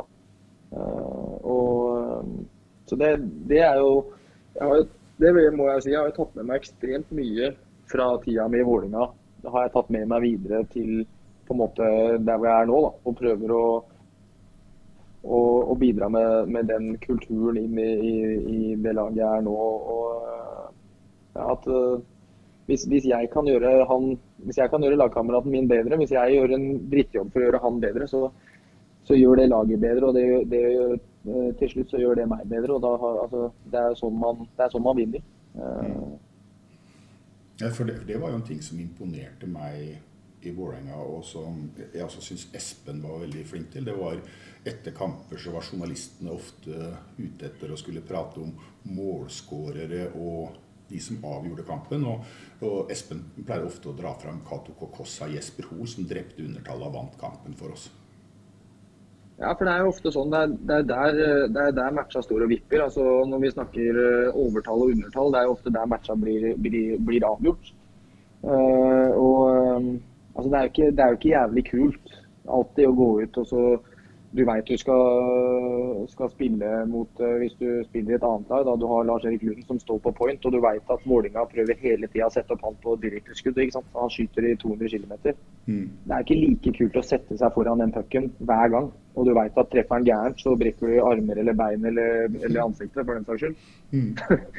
og, og, da er jo når, når, man gjør den drittjobben, da, så er det, da er det jo godt å få på en måte skryt for den drittjobben òg. Og det er, jo, det er jeg veldig opptatt av her òg, at vi skal hylle de, de, de gutta som faktisk gjør drittjobben øh, øh, også. Og det er jo Espen var veldig flink til det, og, og, og Roy øh, er veldig flink til det. Mm. Uh, og det, det tror jeg altså det er uten tvil. Du har ikke sjanse til å vinne noe som helst hvis ikke man premierer den drittjobben der. og det det er jo ikke alltid de guttene det er ikke, det er ikke alltid de Eller som regel så er jo de best betalte er de som skårer flest mål. Mm. Så uh, Derfor er det fint at de som uh, tekker de skudda, og det er jo fint at sånn som Espen tar fram til media, at de, de vinner matcha. Mm. det, det, er fint. Mm. Ja, eh, jeg, Alex, jeg må sette deg ut på en liten test og prøve som de fleste syns er vanskelig. Og jeg må be deg om å ta ut en drømmefemmer og en keeper blant de du har spilt med i Vålerenga. Har du tenkt noe på det? Ja. ja, det er vanskelig, da. Uh, det sier jo alle. men, uh, men uh, som jeg har spilt med altså Jeg spilte aldri med Espen. Da, så hadde jeg spilt med Espen, så hadde han selvfølgelig vært på, på, på drømmelaget. Mm. Eh, men jeg spilte jo aldri med Espen. Eh, eller jeg har jo spilt med en på drilleparty, så det, det, det, holder jo egentlig nesten det. Men, eh, men jeg kan prøve meg. Jeg tror På Bekksida så har jeg Lund, Lund og Bård Sørli. Mm. Um, uten tvil. altså Lund best, beste poengplukkende Bekk. Og, og ja, måten han så spiller på og, og pasninger jeg vet ikke, jeg husker da jeg var yngre, sånn han, måten han, han uh, tok oppspillene på Av en eller annen grunn så fant han nesten alltid Tommy Martinsen uh, med et flippass til frilege. mm. så, så, han var jo ekstrem uh, god, god offensivt. Og, og, det var sånn når vi spilte sammen òg, så gjorde, gjorde jeg drittjobben så han kunne, kunne ha pucken. Men helt klart Lund og Bård Sørli som, eh, som backpartner. Eh, og Bård er jo ikke den mest eh, fancy spilleren, men han gjorde jo alltid drittjobben. og altså, Han ble kalt uh, Sjakan av klanen etter å ha tatt et skudd i trynet og brakk kjeven. Og, men nekta å bli båret. Han gikk av, gikk av isen sjøl. Mm. Uh, det, det, sier jo litt om hvor, hvor hard, hvor hard Bård, uh, Bård var. og hvilken herlig lagmoral. Og, det sier jeg den dag i dag òg. Bård er kanskje beste kaptein jeg har hatt uh, noen gang. Uh, så uh, helt klart Bård Sørli. Og så på løpersida, så jeg vet det, det er vanskelig. Det er så mange som er gode. altså sånn Når man ser altså sånn Hvis du tar Mattis f.eks. Han var ikke så mange år i Vålinga, men ser jo den karrieren han har hatt etter han var i Vålinga, så er uten, altså selvfølgelig må han være Av de jeg har spilt med, da, så må jo han på en måte få en plass. Uh, Uh, og så har jeg soleklar Øystein Olsen. Mm. Uh, ingen som har aldri spilt med noen med, med, med større pondus enn Øystein. Mm. med mer respekt ute på isen av motstandere. mm. uh, og jeg veit ikke, altså, det er vanskelig, for jeg har egentlig sånn av de, av de, litt eldre garden som jeg har spilt med, så ville jeg jo hatt kanskje Øystein, Larsen og Ricky. Mm. Uh, men av litt yngre så har jeg jo Mattis og, og uh, Morten Ask. Folk glemmer at han, uh, han var jævlig god, han òg, vet du. Mm. Mm. og, og Kenna, da, som hadde Han slo vel kanskje rookie-rekorden til, til Espen, tror jeg, med poeng. Det er mulig, det. Ja, jeg tror han er. Det er vanskelig. Kanskje jeg setter opp tre, to rekker og ett backpark. ja det er mulig til. Jeg veit ikke. Det, det Ja. For jeg er jo de kulturbærerne med, de med, med Rikke og Øystein og Larsen. Og det betyr mye, det òg. Det, mm. Ja, jeg veit ikke. Det er vanskelig. Ja, nei, men vi, vi, vi kan da uh, ligge der du har nevnt uh, i hvert fall fem-seks gode navn på, ja. på løpeplass. Når du tenker tilbake igjen, Alex, på alt du har opplevd som har vært på Jordal siden du lærte å gå på skøyter, hva er det beste minnet du har fra Jordal? Uh, det er mange. Uh, jeg veit ikke. altså Det første som slår meg, egentlig, er beste med, med minnet fra Jordal. er egentlig beste er hele oppveksten min der. Måten, mm. måten uh, Jordal, uh, Jordal og Vålerenga-kulturen har forma meg som person, er vel egentlig det jeg kanskje setter mest pris på. Eh, men sånn enkel Siste, siste altså sånn selvfølgelig Første NM-gullet var, var jo var jo veldig veldig stort for meg. Selv om jeg, jeg spilte ikke i noen av finalematchene første året mitt. Eh, jeg spilte vel kvartfinaler og semifinaler, og så var jeg henvist til benken i starten av finaleserien. Og så spilte jeg en eldre juniorsluttspillmatch uh, borte mot Askerud og klarte å få match der for en fight. så for, Det var en som, en som takla Ken, Kenna stygt, så da fløy jeg på han. Så da fikk jeg jo matchup som gjorde at jeg ikke hadde mulighet til å spille siste avgjørende match. men, eh, men, eh, men eh, det var en kul opplevelse. Da var det jo at vi vant, selvfølgelig. Vi vant vel 4-0 i matcher tror jeg, mot, mot, Trondheim. Eller om det var Stavanger. Stavanger, Stavanger, Stavanger, ja. det var Stavanger i, i gamle, gamle hallene. Mm. Ja, Stavanger, ja. Uh, og da husker jeg når jeg satt på tribunen i Stavanger. Så satt jeg med Kjær, og så tok jeg fikk på Var det liksom litt glass vin til, til, til maten på vippen der. Og, uh, og så var det hjem, og, og jeg hadde jo match, så jeg fikk jo ikke spille siste matchen. Men så avgjorde gutta vant. og det var, det var jævlig kult. altså jeg, jeg, husker jeg løp jo ned, jeg var jo nede i boksen. Uh, i, altså i vanlig, Jeg sto jo bare i vanlige klær, for jeg hadde jo ikke spilt, selvfølgelig. Og så var det jo, når vi vant, så jeg, altså, jeg tenkte ikke over engang at jeg ikke hadde spilt, uh, spilt uh, finaleserien. Altså, det er sånn folk i ettertid som kan si at du Hvis jeg sier at tre NM-gull, så sier folk nei, du har vel bare to, for du spilte jo ikke første. Mm. men når jeg ser tilbake på det, så spilte jeg alle seriematcher og alle kvartfinaler og semifinaler. Og det er jo på en måte Det er jo en del av pakka å vinne. Å være med hele veien. Og jeg føler jo at jeg jeg var med å bidra selv om jeg ikke spilte de finalematcha. Så, så det, det, var sånn jeg husker, det husker jeg jævlig godt. Når vi vant da, så sto jeg i boksen i vanlige klær. Altså, alle tar på seg en gullhjelm, og gutta hopper ut isen og kaste hansker og køller og alt som er. ikke sant? Og så får du den gullhjelmen. Da sto jeg i boksen sånn, var, visste jo ikke helt hva jeg skulle gjøre siden jeg ikke hadde meg utstyr. Og da, da, tok jo Ricky bare ropte på meg, så uh, ropa jeg meg over. Så hoppa jeg på ryggen hans, så satt jeg på ryggen hans mens hele laget gikk i sånn tog ute på isen med liksom bøtta og sånn mm. seierstog rundt isen. Hvor jeg da satt på ryggen, ryggen til Ricky. så nei, det, det, var, det, var, stort. første NM-gull. Og, og, og, siste var kanskje kul, kuleste året nesten kuleste året jeg har hatt. altså sånn En hel sesong var jo siste året i Vålerenga, når vi vant i, i 09 med, mm. med, hele laget. og eh, vi hadde jo, det, det, året var et sinnssykt år hvor altså med, det var moro fra dag én til siste dag. Og vi endte opp med å, å gjøre rent bord og vinne. og det, det samholdet vi hadde det året der, var ja, det, var, det var kult. Det siste året var, var, det var gøy. Mm. Og det er, det er, vel kanskje det NM-gullet i Vålerenga-historien som har blitt feira kraftigst. Jeg tror det holdt på i omtrent 14 dager. Ja, det spora jo litt av. men, vi, men jeg, jeg, tror vi skal la det ligge litt. Da. det, var, det, var jo da, det var jo da jeg dro Det var jo da jeg skulle debutere i, i VM og, og til slutt signerte i, i Modo også. Så var jo litt sånn vi festa jo på i noen dager, og så dro jeg på landslaget. Og så når jeg var ferdig med VM, så, så, dro, så dro jeg med noen av gutta til Spania òg for å feire litt til. Men så måtte jeg ta meg selv i nakken at nå, nå holder det, nå må jeg liksom legge ned arbeidet for å, fordi jeg skulle på jobb i, i Sverige snart. Ja, jeg tror, jeg, tror, jeg tror, vi skal la, la den ligge. Men um, du som har vært uh, en frontfigur og en ledertype i Vålerenga og litt bohem. uh, har du noen gode historier du gjerne vil dele?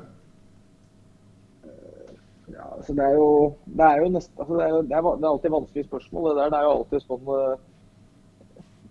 alt, Nesten alle beste, altså beste historiene er litt sånn man, man eh, holder innad i, i gruppa, og som gjerne, gjerne kommer hvis man sitter og mimrer litt med, med, med gamle spillere eller, eller gutta altså over, over en pils.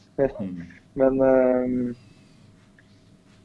jeg ikke, altså. Ja, det, er så, det, er så, mye sånn Vi prata om et, et, par stykker før intervjuet her så, som vi skal la ligge. Men jeg har hatt en tyster eller en informant, eller kall det hva du vil, som jeg prata med her om dagen. og Han forteller han forteller en historie når du var veldig ung, 10-12-13 år.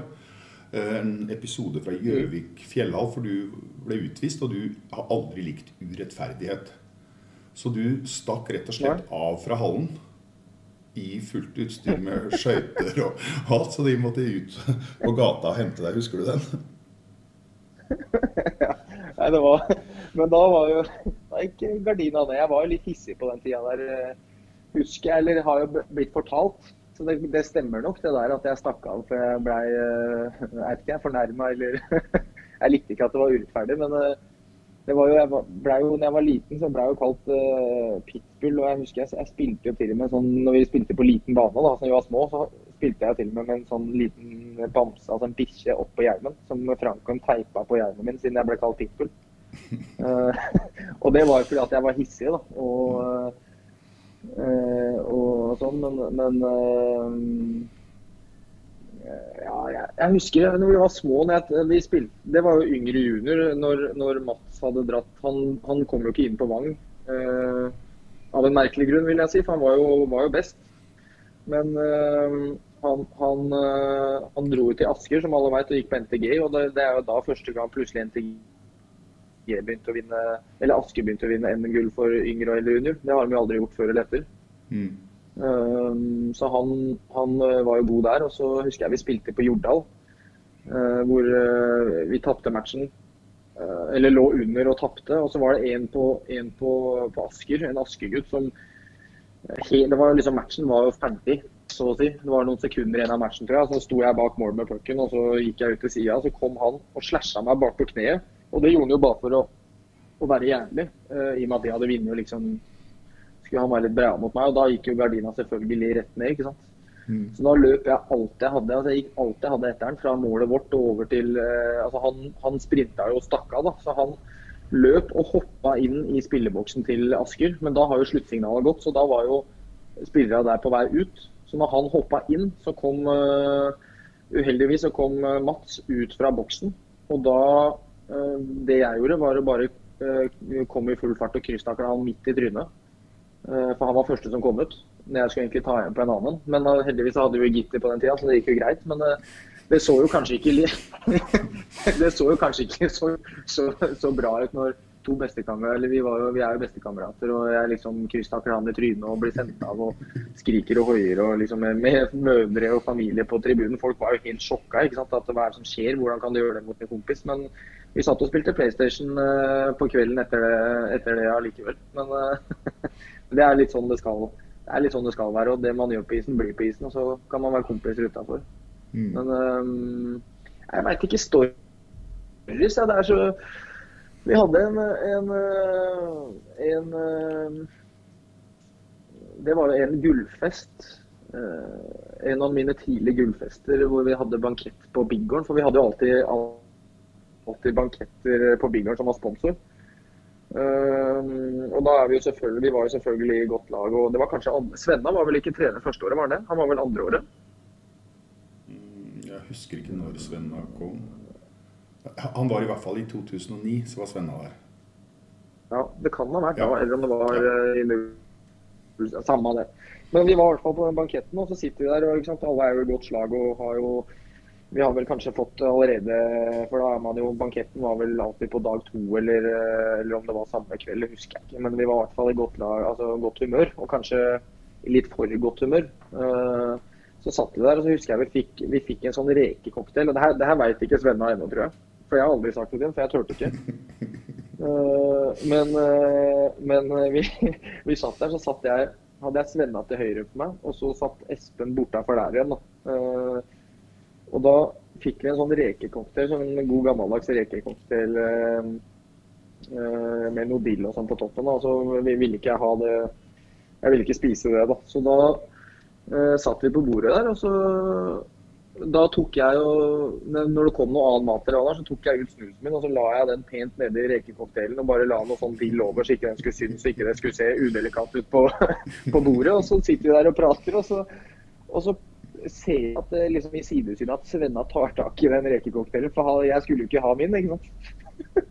og så ser jeg at han putter nedi gaffelen. og og jeg, jeg rakk jo ikke å si fra, ellers hadde jeg selvfølgelig sagt ifra. Men jeg ser jo at han har reker og en hel snus ikke sant, på den gaffelen. og så putter han den i bunnen, og da, ble jeg helt sånn der Å, fy faen. Da fikk jeg helt hetta, ikke sant. Men eh, det som var godt, var at Svenna hadde jo, var jo i toppen av godt humør. At han merka ikke dette her. så han spiste hele snusen uten, uten å, å merke det. Men Espen fikk jo selvfølgelig med seg dette her, og da satt jo han Han han sladra ikke, men det var ikke langt unna. For da satt jo han og kosa seg med at jeg på en måte har driti meg ut eh, som mm. ung spiller. Mm. Eh, og da satt jo han Svenna, var han god, eller? Var det god rekekokt, eller? Da satt jo han sånn og prøvde å framprovosere at han skulle, skulle, merke at den snusen lå nedi. Men eh, jeg, jeg, jeg, har ikke sagt det til Svenna, så jeg, hvis ingen, ingen, andre har sagt det, så, så, så veit ikke han det den dag i dag fortsatt. Nei, Stemmer det. Nei da, det skjer, skjer litt. Ehm, jeg, jeg, kom på en historie nå mens vi prata, Alex. Og det er egentlig litt om Vålerenga-replikken, men det er mer om Brede enn om deg. For um, ja. du og Brede og Myra, eh, dere jobba jo litt for oss i Event Garden på noen arrangementer. Ja. Og eh, jeg kom på en veldig god replikk, fordi at eh, dette var et fredagsarrangement. Og det var um, oppe på Tærøy. Det var um, ikke kamp på søndag. Og dere hadde egentlig Når jeg eller Stian spurte dere om å jobbe, så, eller om det var Bård, så var dere egentlig ikke så interessert, for det var mulighet for å gå på byen og ta seg en øl. Og mm. da bare jeg greip inn og, og sier til dere at det arrangementet her, det bør dere bli med på. Dere er jo unge, kjente, single ishockeyspillere. For det her er et arrangement med bare damer. Stemmer det. Og dere, og dere um, kom jo da selvfølgelig og jeg overslåtte det kanskje litt, for når dere kom opp på Tærus, så var den gjengen med damer var vel i hvert fall dobbelt så gamle som dere. Og da, da er Brede litt uh, skuffa, og så ser han på meg, og så sier han at det her Odd Magne, det ser ut som en Twist-pose. Her må man leite etter godbita. ja, den er fin. Det var morsomt. Det der. Det var, det var faktisk en fin tid. Vi, hadde, vi var jo hjalp litt eller hjalp der med Ventgarden på, som, på sommerstid og når vi hadde tid. Det var, var kult, faktisk. Mm. mm. Det var ja, ja. Ja, det har vært var, var mange fine år i, i Vålinga, og ja, ekstremt mange gode, gode minner. og ja, Vi kunne sikkert sitte og prate i ti timer om, hvis vi begynner å mimre ordentlig. Så, mm. Men det var, var, en fin tid. Mm. Det, det, jeg tror vi må få til på et tidspunkt, Alex, det er å samle den kjernen fra 5, 6, 7 2005-2006-sesongene og ha et lite panel og lage en livesending. Ja, det hadde vært kult. Det hadde vært uh, det, tror jeg, det tror jeg kunne blitt morsomt, blitt morsomt med mye, mye, bra stories og mye mm. Det kunne vært gøy. Ja. Vi kan eh, høre om Myggen tar jobben som ordstyrer. Ja, han kan, han kan være toastmaster. toastmaster. ja. Nei, men da Da må man være litt forsiktig med hva man sier, da. ellers så blir man jo høvla over. Ja, For Nudo-prisen på julebordet? Ja. ja. Nei, eh, jeg tror vi har satt eh, episoderekord nå. Ja. Dette har blitt lengste, det lengste intervjuet så lenge. Men deg har jeg kjent i mange år, og det var eh, veldig hyggelig å prate med deg igjen. Så nå tror jeg jeg sier tusen takk for at du stilte opp. Og så må du ha masse lykke til i Finland. Jo, takk, takk. Var, men, uh, men, men, før det så skal jeg spørre deg om en, jeg skal spørre deg om én ting. Før vi sier, før vi sier ha det. Ja. Har du planer om å spille for Vålerenga igjen? Uh, da kan jeg jo svare ja. Det er jo planen. Og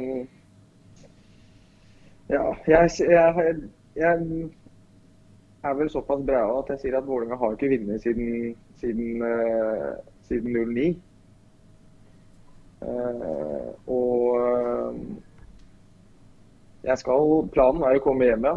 Og jeg har jo en våt drøm om å avslutte i Vålerenga og vinne NM-gull. Og kanskje, kanskje, kanskje jeg ja, mm. vinner Kanskje jeg må hjem for at Vålerenga skal vinne. Mm. Hvis du da hjem, da skal jeg ringe Vegard Barli og spørre om han gidder å ta et comeback til. Ja, da kommer en sånn Frelseren står det på lagoppstillinga på treninga når han har comeback. ja. Men da skal jeg også bare ta kort et annet spørsmål eh, til deg, Alex. Eh, og det er Har du Ser du deg sjøl som en framtidig trener?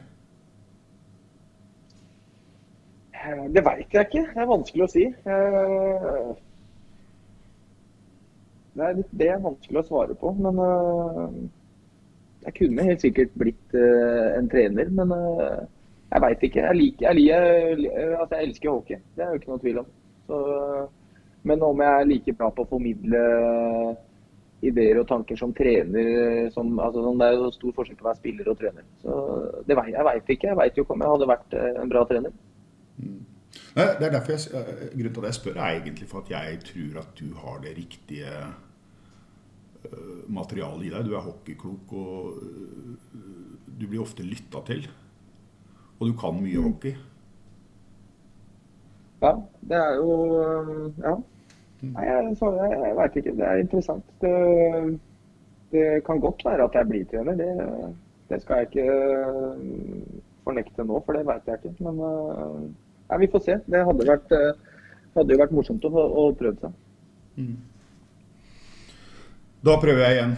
Tusen takk for at du stilte, Alex. Det var eh, superhyggelig å prate med deg igjen. Lykke til i Finland med ny sesong, og velkommen tilbake til Vålerenga. Uh, takk, og takk for det. Takk for praten, Magne. Det var, uh, var veldig hyggelig. takk skal du ha. takk. Alexander Bonsaksen Bonsa, altså. Full av Vålerenga-sjel. Det er all grunn til å følge med videre på podkasten framover. Som sagt så vil Tommy Lund og Bård Sørli gjøre inntreden eh, til å være med som studioverter. Eh, vi skal ha intervjuer med mange andre spillere. Og jeg er også ferdig en episode med en framtredende norsk journalist som skal fortelle litt om sitt forhold til Vålerenga. Følg meg på Facebook, Apple Podkast, Spotify, andre podkastplattformer. Det kommer mye moro framover. Vi høres. Prøv å karakterisere Vålerenga som klubb. Fantastisk klubb. Eh, jeg kjenner en stolthet, og bl.a. for å få bli kaptein her på laget og vært her nå i seks sesonger. Så Vålerenga har vinnerkultur som jeg ikke har sett på noen andre steder det har vært.